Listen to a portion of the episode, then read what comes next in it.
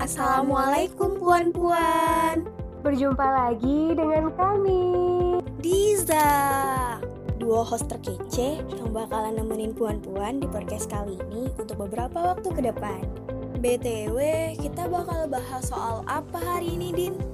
Pastinya kita bakalan bahas materi yang keren yang akan disampaikan oleh pemateri-pemateri kita yang luar biasa. Wah, bahas apa ya kira-kira? Ya udah deh, langsung aja aku kasih tahu. Jadi hari ini kita bakalan bahas seputar pergerakan dan perempuan yang akan disampaikan oleh KLV, Menteri Perempuan dan Anak, BEM Unan. Dan juga Bang Iksan, Menko Pergerakan BMKM Unan. Eh, bentar-bentar deh Din. Tadi kan katanya kita bakal bincang-bincang soal pergerakan dan perempuan. Lah, kok ada abang-abang? Ya, nggak apa-apa dong Kia. Lagi pula terlalu mainstream rasanya kalau kita bahas tentang pergerakan perempuan dari sudut pandang perempuan aja. Oh, jadi gitu toh. Kayaknya bakalan keren nih bahasan di podcast kita kali ini. Pastinya. Udah, kelamaan. Langsung aja kita panggil pemateri kita yang sangat luar biasa, yaitu Bang Isan dan Kak Elvi. Assalamualaikum Diza. Waalaikumsalam. Sebelumnya kita ucapkan terima kasih dulu kepada Bang Isan dan Elvi yang udah meluangkan waktu untuk membersamai Diza di narasi hari ini. Langsung aja yuk Din kita kepoin seputar pergerakan dan perempuan dari pemateri terkece kita, Bang Isan dan Elvi. Oke Kia, kita mulai dari Elvi dulu ya. Menurut Elvi, Gimana sih Kak peran perempuan dalam organisasi pergerakan? Oke, sekarang peran perempuan dalam organisasi pergerakan. Nah, hal ini tidak luput dari eh, kata-kata uh, dari Budi Hamka di dalam bukunya yang berjudul Berbicara tentang Perempuan. Beliau mengatakan, jika perempuannya baik, baiklah negara. Dan jika mereka bobrok, bobrok pula lah negara. Mereka adalah tiang, dan biasanya tiang rumah tidak begitu kelihatan. Namun, jika rumah sudah condong, periksalah tiangnya. Tandanya tianglah yang lapuk. Nah, dari buku tersebut dapat kita simpulkan bahwa peran perempuan sangatlah penting kita bawakan ke organisasi pergerakan. Contohnya itu BEM, di mana uh, Elvi sedang menjalaninya pada saat ini. Oke, peran perempuan dalam organisasi pergerakan tentu tidak luput nih dari para pejuang perempuan kita yang terdahulu. Contohnya saja di kepala pemerintahan itu ada Sri Ratu Tajul Alam Safiatuddin. Itu memerintah tahun 1050 sampai 1086 Hijriah. Selanjutnya, pemimpin armada laut itu ada Laksana Malahayati memimpin armada laut kerajaan Aceh. Selanjutnya, pemimpin perang darat itu ada Cut Din yang turun langsung ke medan perang. Selanjutnya, di dunia pendidikan, seni, dan budaya itu ada Rohana Kudus, ada Rahma El Yunusiah dari Parang Panjang. Dia merupakan perempuan yang mendirikan sekolah eh, bagi perempuan yang dinamai dengan Diniah Putri. Selanjutnya juga ada jurnalis, ahli sastra, atau berjuang melalui tulisannya ada Rohana Kudus dan Kartini. Kita sudah turut andil akan peran-peran kebermanfaatan, maka kita sudah disebut dengan aktivis. Nah, menurut Elvi begitulah peran perempuan dalam organisasi pergerakan dari kacamata Elvi. Oke, berarti kita bisa lihat dari bagaimana sejarah mencatat pentingnya peran perempuan dalam pergerakan ya, Kak mulai dari sebelum bangsa ini merdeka hingga saat bangsa ini baru berdiri, sangat banyak pejuang-pejuang perempuan yang turut andil di dalamnya. Kalau dari Bang Isan sendiri nih Bang, gimana menurut Abang terkait peran perempuan dalam organisasi pergerakan? Karena kan kalau udah bahas-bahas soal pergerakan gitu, biasanya yang diketahui orang-orang identiknya diwarnai sama kaum laki-laki gitu Bang. Ya baik, terima kasih pada rekan-rekan semua yang telah mempersilahkan Abang ya, untuk menjawab pertanyaan dari rekan-rekan semua uh, terkait bagaimana peran perempuan di dalam organisasi pergerakan yang sebenarnya uh, identik dengan laki-laki ya. Memang benar uh, bahwasannya pergerakan itu identik dengan laki-laki memang benar sih. Kita kita lihat di khalayak umum juga pandangan dari orang-orang umum juga pada umumnya memang seperti itu gitu. Karena apa? Karena pergerakan itu identik dengan keras identik dengan tegas uh, identik dengan perlawanan gitu. Nah sebelum jauh kita berbicara kepada ke arah ke depan uh, abang coba ingin ngasih uh, pandangan sedikit. Definisi organisasi adalah sekumpulan orang-orang yang memiliki visi dan misi tujuan yang sama, yang ingin bergerak bersama-sama untuk mencapai suatu tujuan. Nah, pergerakan artinya adalah melakukan perubahan kepada yang lebih baik, melakukan tindakan uh, yang mengarah kepada hal-hal yang lebih baik, baik itu secara tegas, secara keras, secara lembut, atau apa pun itu, sesuai dengan versinya masing-masing. Dan kalau boleh disimpulkan secara keseluruhan artinya organisasi pergerakan adalah sekumpulan orang-orang yang memiliki tujuan dan visi yang sama untuk membawa kepada perubahan kepada yang lebih baik. Nah, perubahan ini kita nggak bisa ketika kita berbicara pergerakan itu mulus saja ke depan tidak gitu.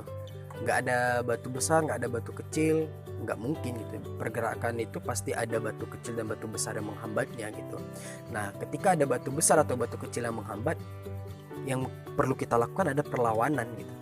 Nah timbul pertanyaan nih sebenarnya. Toh perempuan nggak sebenarnya nggak nggak biasa dengan perlawanan perempuan nggak biasa dengan keras gitu. Perempuan itu identik dengan kelembutan gitu. Dan poinnya sebenarnya dengan kelembutan perempuan itulah sebenarnya kerasnya perempuan gitu. Itulah sebenarnya perlawanannya perempuan gitu. Jadi sekarang sebenarnya nggak ada yang identik dengan laki-laki sih gitu. Dan juga kalau boleh uh, ber pandangan sebenarnya kalau dikatakan pergerakan itu identik bahkan dengan perempuan sih. Karena apa? Karena kita bisa lihat sekarang bapak uh, presiden pertama kita Insinyur Soekarno bapak Soeharto uh, presiden-presiden kita ataupun Buya Hamka mereka lahir dari seorang rahim perempuan. Dan mereka juga menyuarakan uh, ataupun melakukan perubahan itu berdasarkan doktrin-doktrin yang didapatkan ketika kecil. Nilai-nilai kebaikan yang diberikan kepada mereka ketika kecil itu yang mereka pegang terus sampai mereka besar. Sehingga apa? Sehingga Soekarno mampu memproklamasikan kemerdekaan Indonesia. Sehingga apa? Sehingga Buya Hamka bisa mempersatukan umat dengan prinsip-prinsip yang ada. Nah jadi sebenarnya pergerakan itu lahir dari perempuan sebenarnya gitu hanya saja yang kita lihat di lapangan hari ini eksekutornya itu dilakukan oleh kaum laki-laki, sebenarnya tidak gitu. Nah, kita hanya berbeda uh, gaya dalam uh, bergerak, kurang lebih seperti itu. Jadi peran perempuan juga penting ya bang di dalam sebuah organisasi pergerakan. Hanya saja cara kita yang berbeda dengan laki-laki dalam melakukan pergerakan. Nah, pertanyaan selanjutnya nih kak, Gimana sih Kak urgensi perempuan dalam organisasi pergerakan? Nah, urgensi perempuan dalam organisasi pergerakan. Kita sama-sama tahu ya kalimat ini bahwa perempuan itu sangat istimewa. Nah, jadi bisa kita katakan, bisa kita adopsi eh, kata-kata uh, tersebut uh, di ranah pergerakan. Mengapa demikian? Karena kita mengetahui bahwa perempuan itu yang akan menjadi guru pertama bagi anak-anaknya kelak. Jadi sudah sepatutnya kita sebagai perempuan untuk terjun langsung ke dunia pergerakan. Karena nantinya kitalah yang akan memformat uh, anak-anak kita kelak. Nah, kembali lagi, urgensi perempuan dalam organisasi pergerakan yang pertama untuk perempuannya sendiri. Karena di sana kita uh, belajar nih buat berpikir kritis, buat lebih peka terhadap eh, isu-isu uh, terkait perempuan dan anak jika uh, teman-teman lebih concernnya ya ke sana. Sehingga kita dapat menjadi mitra kritisnya pemerintah akan kebijakan-kebijakan yang menyangkut terkait perempuan seperti itu. Nah, pentingnya perempuan dalam dunia pergerakan itu kita juga turut bersuara, turut menyuarakan apa yang menjadi keresahan kita serta kita cari solusi dari uh, keresahan tersebut. Kita juga tidak hanya menuntut, tetapi kita juga mencari solusi akan permasalahan-permasalahan tersebut. Karena kita juga tidak pungkiri, karena yang mengerti perempuan, yang mengerti permasalahan tentang perempuan, yaitu perempuan itu sendiri. Oke, berarti sangat urgent ya kak keikutsertaan perempuan dalam organisasi pergerakan. Terlebih karena tugas utama dari perempuan itu sendiri nantinya akan jadi pendidik untuk calon-calon pemimpin bangsa berikutnya. Masih dengan pertanyaan yang sama nih bang, jadi gimana menurut perspektif abang terkait urgensi dari keterlibatan perempuan dalam organisasi pergerakan? Arjen atau tidak arjen ya pasti arjen ya peran perempuan di dalam itu karena perempuan sebagai penyeimbang di dalamnya atau sebagai balance gitu. Nah katakanlah di dalam satu internal organisasi gitu, abang sering ya ketika di dalam satu internal organisasi ketika ada konflik atau perdebatan yang terjadi, abang coba melibatkan uh, perempuan selalu perempuan yang ada di sana. Karena apa? Karena dia yang bisa menjadi penenang nanti di sana dia bisa membuka uh, sudut pandang yang berbeda gitu sehingga cara berpikir kita juga terbuka gitu uh, literasi yang terbaik yang ada di muka bumi adalah literasi yang dimiliki perempuan Kenapa? Karena perempuan memiliki sensitivitas, memiliki kepedulian yang tinggi, memiliki rasa pemahaman yang tinggi. Dia tidak melihat saja, dia tahu, dia tahu apa apa yang terjadi. Dia tidak mendengarkan, dia tahu apa yang uh, orang lain rasakan. Nah kalau dikatakan ya perempuan-perempuan Indonesia itu sebenarnya banyak-banyak yang bagus loh. Cara berpikirnya banyak-banyak banyak juga yang bagus cara berpendapatnya argumentasinya gitu. Hanya saja kelemahan dari perempuan Indonesia itu jarang yang mau mengemukakan pendapatnya. Tidak banyak yang benar-benar berani dalam mengemukakan pendapatnya gitu. Nah harapannya memang setelah podcast ini ya kalau bisa memang perempuan-perempuan Indonesia bisa tersadarkan misalnya pentingnya perempuan di dalam dunia pergerakan itu mutlak adanya dan harus ada gitu. Ya mungkin itu aja dulu. Wah jadi perempuan sebagai penyeimbang ya bang? Yang bisa memberikan penilaian dari sudut pandang yang berbeda. Oke okay, next question kak. Apa aja sih kak tantangan yang dihadapi perempuan saat memutuskan untuk menggabungkan diri ke organisasi pergerakan? Apa sih tantangan yang dihadapi perempuan saat saat berada di organisasi pergerakan? Nah, Elvi mengerucutkannya menjadi dua faktor tantangannya. Yang pertama itu tantangan internal dan yang kedua itu tantangan eksternal. Uh, yang pertama itu internal ya, berarti pribadinya dari perempuan itu sendiri. Kita sudah sama-sama mengetahui uh, perempuan itu cenderung lebih mendahulukan perasaannya dan juga egonya. Itu merupakan kodrat dari perempuan. Nah, jadi di dalam organisasi pergerakan kita dituntut untuk lebih mengenyampingkan baper-baper kita atau men mengenyampingkan perasaan kita. Sebaliknya, kalau di pergerakan itu kita lebih mainnya kepada logika. Yang kedua itu ego ya, ego sendiri atau minder. Nah, minder ini kalau misalnya kita membawakannya ke negatif, itu muncul perasaan takut untuk menampakkan diri atau show up di kalayak umum. Nah, contohnya saja di saat ada kegiatan diskusi itu bareng laki-laki dan perempuan, itu cenderung laki-laki lebih banyak speak up-nya, mengutarakan argumen karena mental laki-laki itu lebih kuat, cenderung lebih kuat daripada perempuan. Nah, jadi di sinilah uh, tantangan keduanya, yakni kita harus percaya diri, harus berani speak up, serta show up ya di dalam uh, dunia pergerakan ini, meng mengemukakan pendapat selanjutnya berhubungan dengan perasaan ya perempuan itu juga kemudian kadang kalau misalnya moodnya lagi jelek nah itu pada semua yang di sekitarnya kena tuh dijutekin atau di dicuekin. Nah, ini juga menjadi tantangannya dalam uh, perempuan bergerak di dunia pergerakan. Berarti tantangannya lebih ke pribadi perempuan itu sendiri ya, Kak. Karena emang nggak bisa dipungkiri kan ya ketika uh, sedang masuk ke periode bulanannya, emosi perempuan itu bisa jadi labil, terus sering kemudian, dan juga perempuan itu identik banget nih kalau dari perempuan dikit-dikit yang dikedepankan perasaannya. Oke, same question juga nih buat abang Gimana tuh bang dari perspektif abang terkait tantangan yang dihadapi perempuan saat memutuskan untuk join ke organisasi pergerakan bang? Oke, ini terkait uh, tantangannya. Ya memang kita eh, nggak uh, bisa pungkiri bahwasannya ketika perempuan uh, ikut di dalam dunia pergerakan mungkin ada larangan mungkin dari keluarga ataupun dari orang tua. Karena ya seperti yang disampaikan tadi pergerakan itu identik dengan kekerasan sebenarnya gitu. Teman-teman harus yang pertama ya siapkan mental pasti. Siapkan mental dan luruskan niat. Nah itu dua itu.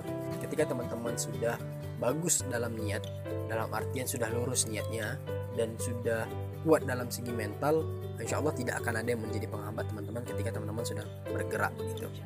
Berarti tantangannya kembali lagi ke diri perempuan itu sendiri ya bang? Bagaimana dia bisa meluruskan niat dari awal dan juga mempersiapkan mentalnya untuk terjun ke dunia pergerakan? Nah pertanyaan selanjutnya kak. Yang namanya organisasi apalagi pergerakan nih kak Pastinya nggak semua berjalan lancar dan mudah-mudah aja Pastinya juga ada kesulitan-kesulitan dirasakan saat bergabung di organisasi Apalagi nih organisasi pergerakan Kira-kira hal tersulit apa sih kak yang pernah kakak hadapi selama kakak di organisasi pergerakan? Oke, hal tersulit ya berada di dunia pergerakan atau di organisasi pergerakan. Menurut Evi, uh, itu kembali kepada diri sendiri sih bagaimana cara uh, mengelola emosi, memanajemen waktu, dan mengatur skala prioritas.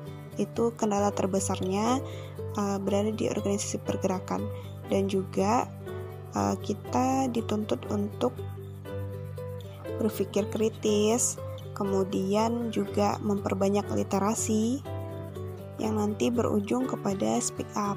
Karena kalau kita sudah berada di dunia pergerakan, itu kita memang uh, dituntut untuk speak up, untuk menyuarakan keresahan-keresahan kita serta menyamakan persepsi atau pemikiran dengan eh, laki-laki uh, yang cenderung uh, memang identik ya di dunia pergerakan ini mungkin uh, ini hal tersulit yang Elvi rasakan ketika uh, berada di organisasi pergerakan.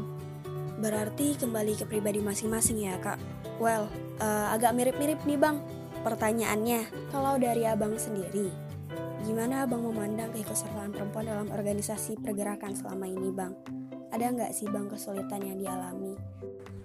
Ya, uh, menurut perspektif abang ya dilihat sekarang kondisinya uh, sudah sangat bagus dan sangat sangat apresiasi sih kepada perempuan terutama mungkin perempuan-perempuan Andalas yang ada di Universitas Andalas yang mau turun ikut aksi yang mau berjuang bersama-sama bersorak menyuarakan hidup mahasiswa hidup rakyat Indonesia dan hidup perempuan Indonesia yang mampu juga menyudutkan ketua DPRD Provinsi Sumatera Barat in ataupun Gubernur Sumatera Barat. Itu sudah sangat luar biasa sih gitu dan kalau dikatakan kesulitan nggak ada ya uh, kalau bisa dikatakan hampir nggak ada sih kesulitan mau diajak uh, ketika mengajak teman-teman perempuan itu nggak ada gitu uh, ada pun mungkin karena niatnya aja yang masih belum masih belum uh, sampai gitu. Oke, okay, apresiasi dong buat ciwi-ciwi Universitas Andalas yang mau ikut aksi. Jadi bisa dikatakan nggak ada kesulitan ya bang untuk mengumpulkan cewek-cewek ini. Oke, jelas nih kak, request dari Diza. Boleh dong kakak share ke puan-puan yang lagi dengerin podcast kita tips untuk puan-puan yang mau gabung atau yang sudah bergabung di pergerakan. Oke, tips-tips uh, buat perempuan-perempuan yang mau bergabung di organisasi pergerakan atau dunia pergerakan. Yang pertama itu niat, luruskan kembali niatnya, tujuannya untuk bergabung di organisasi pergerakan itu apa. Yang kedua, memperbaiki mindsetnya. Kalau misalnya di dunia pergerakan itu keras atau kuat atau penuh dengan perlawanan, hal tersebut tidak akan menjadi hambatan kita buat uh, berada di organisasi pergerakan. Yang ketiga, konsisten di dalamnya termasuk uh, memanajemen emosinya, mengelola perasaannya, mengenyampingkan bapernya. Oke, selanjutnya perbanyak diskusi. Dengan berdiskusi kita bisa menambah wawasan, kita bisa menjadi uh, seseorang yang berpikir kritis, yang mempunyai rasa kepedulian, yang mempunyai keresahan, buah dari diskusi tersebut dan kita juga dapat menghadirkan narasi dari diskusi-diskusi tersebut. Tentu juga dibarengi dengan literasi. Selanjutnya berani mencoba. Nah, jika kita tidak berani mencoba, maka kita akan diam di tempat atau stagnan dan akan rugi. Nah, kita akan terus dihantui rasa takut sehingga lupa kita adalah agent of change, social control. Selanjutnya, percaya diri. Percaya diri ini merupakan modal yang sangat penting. Nah, Elvi juga mau menyampaikan harapan teruntuk perempuan-perempuan yang saat ini sudah berjuang untuk tetap semangat, tetap produktif meskipun kondisi kita saat ini yang menuntut kita memang harus di rumah aja, tetapi bukan alasan buat kita untuk berhenti bergerak. Dan juga ujian terberat ketika kita perempuan berada di dunia pergerakan itu adalah eksistensi. Jangan sampai eksistensi nanti melencengkan niat kita untuk berada di pergerakan.